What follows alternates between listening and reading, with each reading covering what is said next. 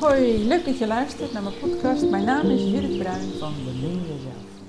Was jij ooit verliefd op je partner en dacht je dat het misschien wel voor altijd zo zou blijven? Net zoals de meeste mensen natuurlijk. Je begint verliefd en je denkt dat het voor altijd zo zal blijven. En je ziet wel om je heen andere relaties en je denkt ook wel, ja logisch dat Karel van Jenny wat vaak overwerkt. Dat verbaast je ook niet. Maar bij jullie zal dat niet gebeuren, want jullie liefde is uniek. En dat is natuurlijk ook zo. Elke liefde is uniek. En toch, zoveel jaar later, kan het zomaar zijn dat je wordt ingehaald door de werkelijkheid. En dat jullie relatie er verdacht veel op lijkt op die van Karel en Jenny. En misschien heb je dan ook wel ruzie om niets. En uh, hebben jullie misschien geen gezamenlijke interesses meer. Of er is iets gebeurd wat jullie niet hadden afgesproken dan ben je dus niet de enige. Want weet je dat na twee jaar heeft slechts 10% van de stellen een voor beide bevredigende seksuele relatie of gewoon relatie. Um, terwijl seks voor net zoveel verbinding kan zorgen als een goed gesprek. Dus beide aspecten zijn eigenlijk even belangrijk voor een gezonde relatie. Alleen hebben wij als cultuur een soort van afgesproken dat het gesproken woord boven de taal van het lichaam gaat Terwijl aanraking is je eerste taal. Dus gesproken taal en lichaamstaal kunnen beide uitingen van liefde zijn. En vaak is de ene partner wat beter in gesproken taal en de andere in lichaamstaal. Ja, moet je dan maar klaar gaan liggen zodat meestal hij uh, zijn ding dan kan doen? Dat is natuurlijk echt belachelijk. En dat zou ook averechts werken. Mijn punt is dat seksuele intimiteit net zo belangrijk is als emotionele intimiteit. En dat er dus voor beide aandacht zou moeten zijn in een relatie. Kun je natuurlijk makkelijk zeggen vanaf een stoeltje. In de praktijk is het gewoon hard werken. Want je kunt wekenlang praten over eten, maar dat gaat niet je hongergevoel bevredigen. En hetzelfde geldt natuurlijk voor seks. Als je niet genoeg eet, verdwijnt je levensenergie. En hetzelfde gebeurt als je geen of weinig seks hebt. Je seksuele energie lijkt te verdwijnen. Dat lijkt zo, want het kan niet verdwijnen. Seksuele energie is namelijk hetzelfde als levensenergie. En zonder levensenergie, dus zonder seksuele energie, ga je dood. Dan kun je niet leven. Dus ook al kun je je seksuele energie niet meer voelen, en dat is bij heel veel vrouwen aan de hand, die leven boven het middenrif, of is er in de relatie geen ruimte of tekort ruimte voor jouw seksuele energie. Dat gebeurt bij heel veel mannen die van nature wat meer vanuit hun bekken leven. Dat is niet goed of fout, daar gaat een andere podcast weer over.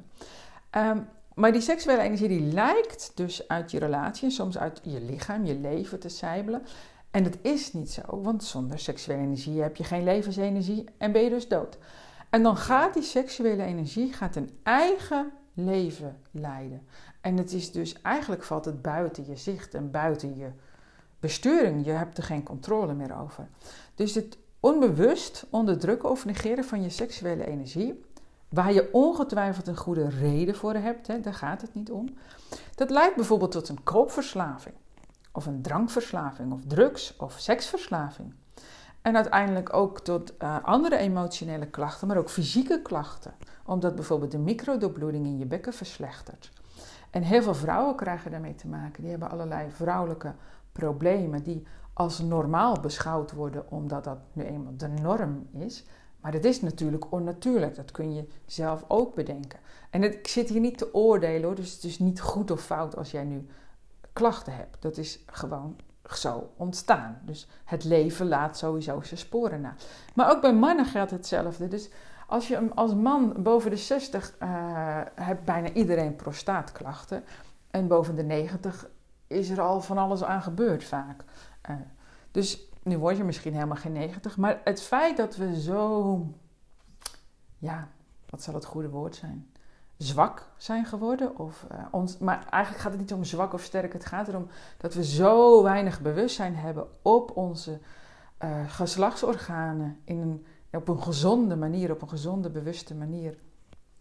Ehm, dat we daar ons bewustzijn wegtrekken. En dat zorgt dus voor allerlei klachten, waaronder ook fysieke klachten. Dus Ehm, ik las vandaag een heel mooi stukje over bijvoorbeeld uh, penisbeschaving. Penisbeschaving, daar ga ik ook een podcast over maken. Dat zou een stuk helpen. Dus we gaan nu even verder op de verslaving. Elke verslaving, dat is eigenlijk feitelijk uh, is terug te brengen op het niet kunnen sturen van je seksuele energie, je levensenergie. En ehm, dan krijg je een leeg gevoel. Als jij niet zelf je seksuele energie kunt sturen, je levensenergie, dan krijg je een leeg gevoel en dat wil je opvullen. Want leeg te voelen, dat vindt een mens vreselijk. En als je verliefd bent, dan voel je je eigen seksuele energie stromen. Het leven bruist uh, door je aderen. En als de verliefdheid overraakt, dan voel je dat niet meer. En dan denk je al snel dat het aan je partner ligt of dat de passie op is. En je mist dat levendige gevoel. En dus wordt je dat lege gevoel wat eronder ligt, dat wordt je weer gewaar.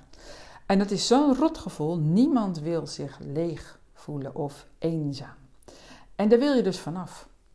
En sommige mensen kiezen er dan voor, bewust of onbewust, om met een vreemde mee te gaan. Want maar 8% van de mannen en vrouwen die met een vreemde meegaat, doet dat puur voor de seks. En de rest omdat ze zich weer levend willen voelen. Nou, en wanneer voel je nou dat je leeft? Als je bijvoorbeeld verbinding hebt met een ander mens. Of als je je gezien en gehoord voelt. Of als je gewaardeerd en erkend wordt. Ehm, als je aangeraakt wordt. Als je seksuele energie voelt stromen, dan voel je dat je leeft. Maar ook als je plezier hebt of als je dingen samen doet. En dan vertaal je het meer als levensenergie. En het is dus hetzelfde. Dus met seksuele energie kun je seks hebben, maar je kunt nog zoveel meer dingen doen met seksuele energie. En dat maakt dat je je levend voelt. Ehm, dus, dus je kunt heel veel dingen samen gaan doen, kom ik zo nog even op terug. En ook, ook communiceren is een van de dingen die je samen kunt doen. Het goede gesprek, wat voor velen heel moeilijk is.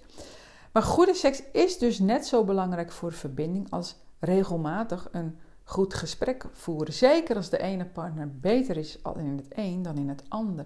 Maar omdat het zoveel um, disbalans vaak in een relatie is en vooral op seksueel gebied schuurt, is het niet de bedoeling dat je klaar gaat liggen uh, voor seks. Dat is helemaal niet wat ik insinueer.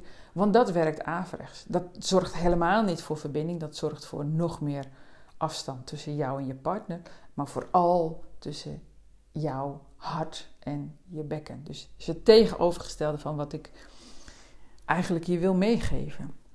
De andere kant is, dus de oplossing komt ook nog hoor, maar de andere kant is dat je partner seksueel afwijzen is voor diegene net zo pijnlijk, schadelijk en frustrerend als uit, het weggaan, uit de weg gaan van het delen van je gevoelens, emoties en behoeftes. Want als dat nou juist je sterke kant is, wat jij kan inbrengen als taal van liefde, en je wordt steeds afgewezen, dan voel je je ook niet gehoord en niet gezien. En dan is er ook geen plezier en stroomt er geen energie. En dat doet je verbinding dus geen goed. Dus ook al is het verwoorden van gevoelens en behoeftes doorgaans het terrein van de vrouw, waardoor ze verbaal gezien al 1-0 voor staat, en al is het terrein van seksualiteit eigenlijk meer van de man, toch heeft hij doorgaans een vrouw nodig om hem in te wijden. En het gaat scheuren omdat mannen niet ingewijd worden en heel veel vrouwen kunnen hun man niet inwijden. Het is nogal een toestand, maar er is gelukkig ook een oplossing. Maar goed, kijk, we zijn nog maar sinds de jaren 60 bevrijd van 2000 jaar seksuele onderdrukking. En dat heeft dus niet alleen de vrouwen beschadigd, maar ook de mannen. Want als je als vrouw niet weet hoe je van seks kunt genieten, dan kun je dat ook niet aangeven. En uh, je hebt als, meestal, zijn, meestal gaat dat om vrouwen, en je hebt meestal als vrouw, en dus ook sommige mannen, een goede reden dus waarom seks tot problemen leidt. Maar door het onbewust af te doen als een probleem van je partner, mis je dus een belangrijke verbindingsfactor, factor, een belangrijke verbindingsfactor. En daarmee beschadig je jullie relatie. En het mooie van de jaren 60 is natuurlijk geweest dat er heel veel seksuele vrijheid is gekomen. Ook een soort van grenzeloosheid. En het nadeel is dat heel veel vrouwen op een mannelijke manier met seks om zijn gegaan. En um, en dat heeft zich geuit natuurlijk in verschillende sekspartners hebben en doen alsof je dat helemaal niet, uh, alsof je daar niet door geraakt wordt.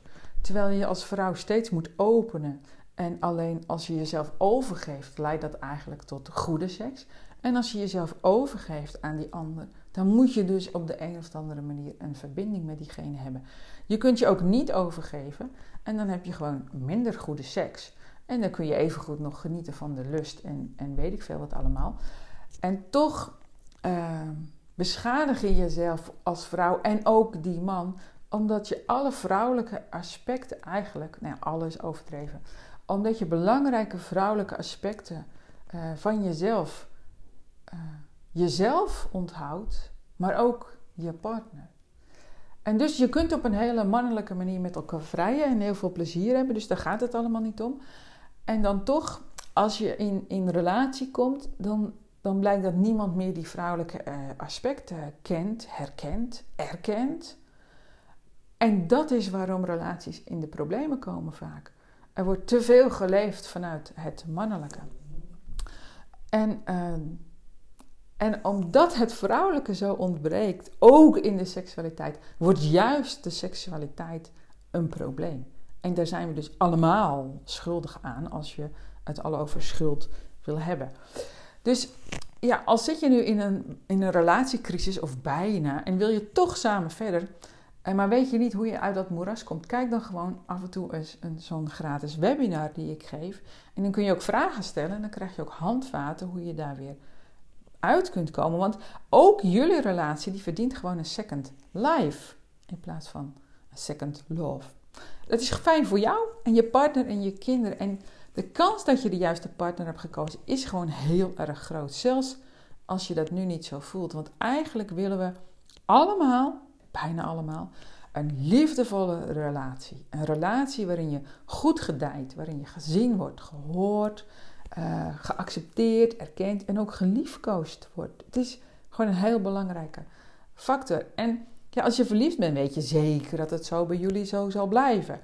En uh, dat je partner ook die ideale man en vrouw is om al die behoeften te vervullen. En je partner die denkt precies hetzelfde over jou. Dus als je verliefd bent, dan weet je eigenlijk wel, dan zie je het allemaal niet zo helder. Dus je schrijft hem of haar bepaalde eigenschappen toe waarvan je denkt dat die jouw behoeften zullen vervullen. En uh, je partner doet hetzelfde.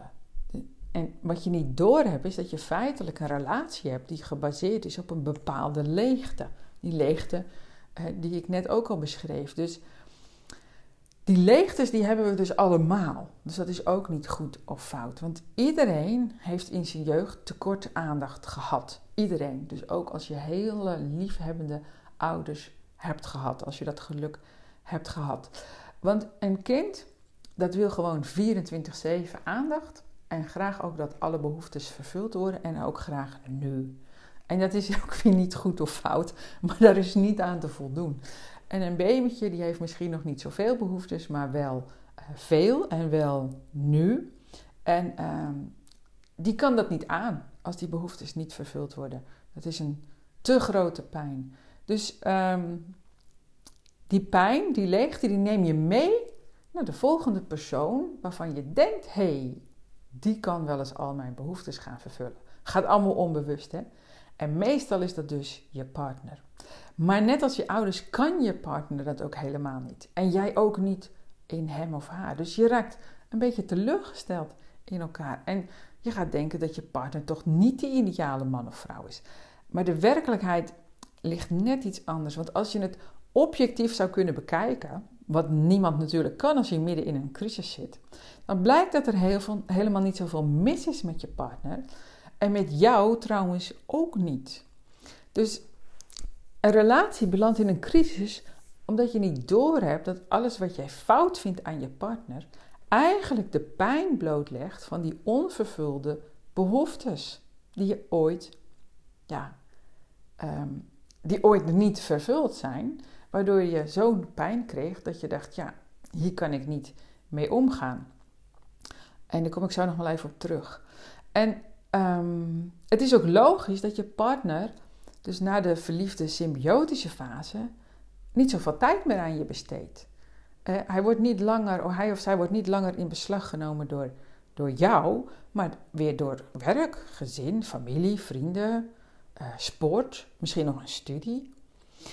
En wat wij dus niet weten is dat elke gezonde relatie na een paar jaar uh, van symbiose, symbiose en uh, verliefd zijn, dus heel dicht bij elkaar zijn en heel veel delen met elkaar, belandt elke relatie na zoveel tijd in het onthechten, maar elkaar niet in de steek laten. Dus jullie stappen uit jullie eigen liefdeskokonnetje. En daarmee wil ik natuurlijk niet zeggen dat je geen tijd meer moet vrijmaken voor elkaar. Uh, je neemt gewoon wat meer afstand van elkaar om weer nieuwe ervaringen op te doen, die je dan weer met elkaar deelt in de volgende symbiotische fase.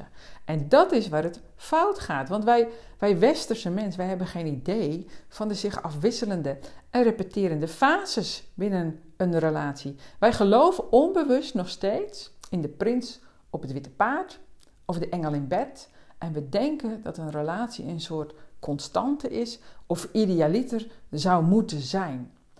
En dat is niet zo. En dus raken we een beetje in paniek, of heel erg zelfs, als de fase van onthechten, maar elkaar niet in de steek laat, zijn intrede doen. En uh, we denken dat de passie dan op is. En dan gaan, gaan we aan onze partners trekken. We klagen over hem of haar. Of we gaan om ons heen kijken. Of overmatig sporten of werken of iets anders.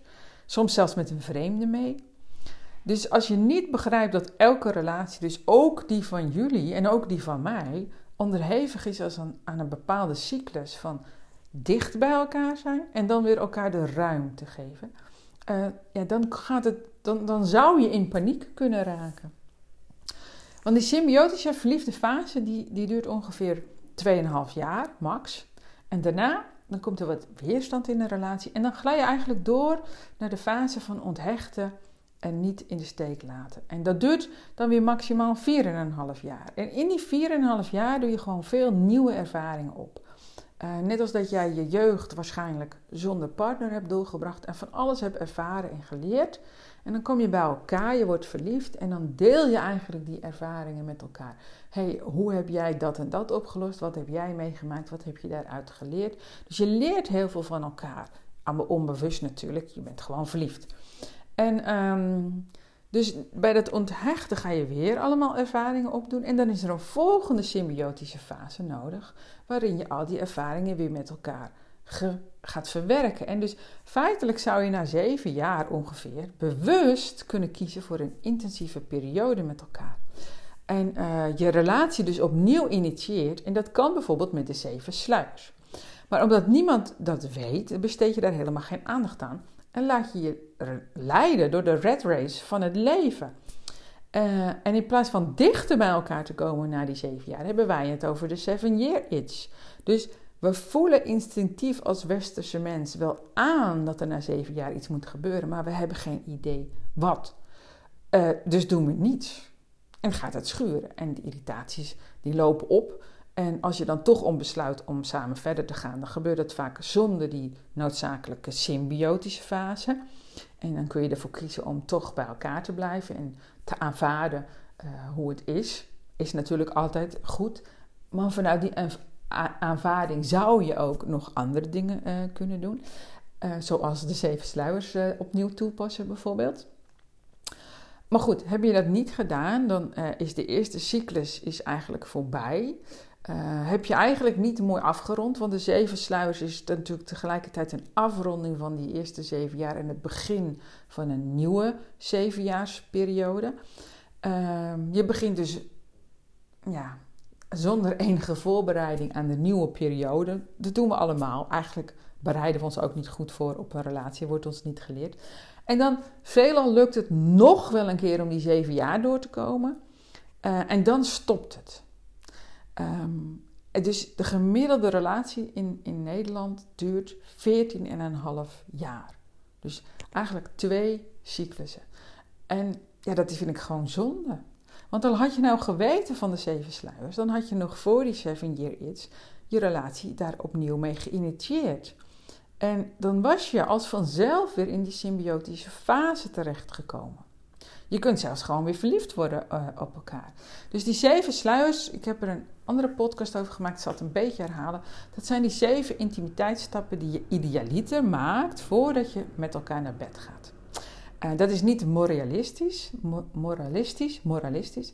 Maar um, als je de zeven sluiers respecteert, dan bouw je een emotioneel en seksueel uh, vervullende relatie op. Omdat je emotionele intimiteit en seksuele intimiteit aan elkaar koppelt. Dus de zeven stapjes zijn heel kort. De eerste stap is alleen nog maar een blik. Hè? Ben jij beschikbaar voor mij of niet? En de laatste stap dat is het maken van een liefdesbaby of natuurlijk besluiten om samen verder te gaan. En er zitten allemaal sluiers tussenin. En als je die onbewust, uh, heb je er misschien een paar of veel sluiers overgeslagen. En um, dan kan de emotionele en seksuele intimiteit en die verbinding daartussen, die hechting daartussen, die vindt gewoon niet of niet goed plaats. En als je dan ziekte hebt of financiële problemen of een van beiden wordt verliefd op een ander, dan stort je relatie eigenlijk als een kaartenhuis in elkaar. En door alsnog te gaan sluieren, herstel je dat achterstallig onderhoud. En uh, weef je een sterke vertrouwensband. En, en zo voorkom je eigenlijk dat je verbitterd raakt na zoveel jaar relatie of huwelijk. Of dat je van elkaar vervreemdt. Of dat er iemand met een vreemde meegaat. Dus wil je meer weten over de Sleven Sluiers? Kijk dan gewoon een keer een webinar. Of download het e-book. Of uh, vul de relatiethermometer in. En dan ontvang je sowieso van mij drie tips. In een persoonlijk gesprek, of als je dat liever hebt via de mail of via een, een Zoom-call. En dan uh, stijgt in ieder geval de temperatuur in jullie relatie weer. Ga daarvoor naar www.beminjezelf.nl slash relatiethermometer. En er staat ook een hele uh, videoserie op YouTube klaar over de zeven sluiers. En dan ga je gewoon naar mijn YouTube kanaal Bemin Jezelf. Uh, bedankt voor het luisteren. Ik hoop dus dat je iets gehad hebt aan deze podcast. En uh, wie weet spreek ik je als je de relatiethermometer hebt ingevuld. Of als je hem op een andere manier een bericht achterlaat. Bemin elkaar. Dat gun ik jullie.